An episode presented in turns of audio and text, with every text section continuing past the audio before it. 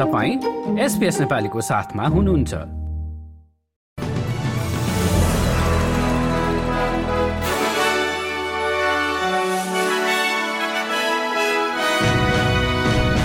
नमस्कार आज मंगलबार एक्काइस नोभेम्बर दुई हजार तेइस। अब पालो भएको छ एसपीएस नेपालीमा आजका प्रमुख अस्ट्रेलियन समाचारहरू सुन्ने। प्रसंग शुरू गरौं न्यू साउथ वेल्सबाट। न्यू साउथ वेल्सको सेन्ट्रल कोस्टमा रहेको वृद्ध सहार केन्द्रमा नब्बे वर्षीय एक वृद्धलाई बलात्कार गरेको आरोपमा पक्राउ परेका एक पुरूषलाई आज अदालतमा उपस्थित गराइँदैछ। पठाओ भेका एक वृद्ध सहार केन्द्रमा गत नोभेम्बर पन्ध्रमा उक्त पुरूषले तोड़फोड़ गरेर आक्रमण गरेको प्रहरीको आरोप छ। आक्रमणमा पनि गम्भीर घाइते भएकी नब्बे वर्षीय वृद्धको हाल अस्पतालमा उपचार भइरहेको छ। कोरोना लगायत समान लक्षणहरू भएका भाइरसका लागि अध्यावधिक कोविड खोप आगामी महिनाबाट अस्ट्रेलियनहरूलाई उपलब्ध गराइने भएको छ। संघीय स्वास्थ्य मन्त्री Mark बटरले Australian technical advisory group of immunisation वा अठागी भनिने प्राविधिक सल्लाहकार समूहसँग सल्लाह गरी सरकारले ओमिक्रोन भाइरसका लागि मोनोभ्यालेन्ट खोपहरू अनुमोदन गरेको बताएका छनृ। अब लागौं भिक्टोरियातिर। रिजनल भिक्टोरियामा दुई समूह बीच भिडन्तमा गम्भीर घाइते भएका एक व्यक्तिलाई उपचारका लागि अस्पताल लगिएको छ।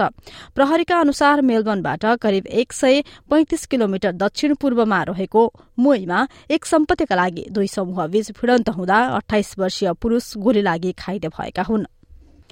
धेरै अस्ट्रेलियन नागरिकहरूले संघीय सरकार र उद्योगहरू बीचको संयुक्त मोडल अन्तर्गत आर्थिक परामर्श पाउनेछन्। इण्डस्ट्री फण्डिङ मोडल भनिने उद्योग नमूना कोष अन्तर्गतको तीन वर्षीय आर्थिक परामर्श कार्यक्रममा तीस मिलियन डलर लगानी हुनेछ। खेलकुदमा रग्बीलाई जोड्दै रग्बी अस्ट्रेलियाका निवर्तमान अध्यक्ष ह्यामिस म्याक्लेनलाई हटाइएपछि नयाँ नियुक्त अध्यक्ष ड्याटन हवर्टले आफू नागरिकको कुराहरू सुन्ने बाछा गरेका छन्। मक्लेनलाई पातलो जालीदार सट लिएको भन्दै गत राति बोर्ड बैठकबाट हटाइएको थियो। हवर्टले वालविजको निराशाजनक विश्वकप अभियानमा कार्यकारी सरकारी निकायको कार्यविधिबारे प्रशंसक र सरोकारवालाहरूको विचार नजरअन्दाज गर्न नहुने बताए।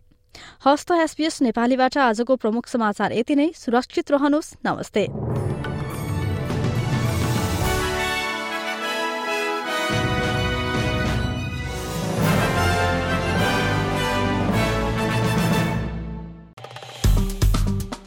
लाइक र कमेन्ट गर्नुहोस्। एसपिएस नेपालीलाई फेसबुकमा साथ दिनुहोस्।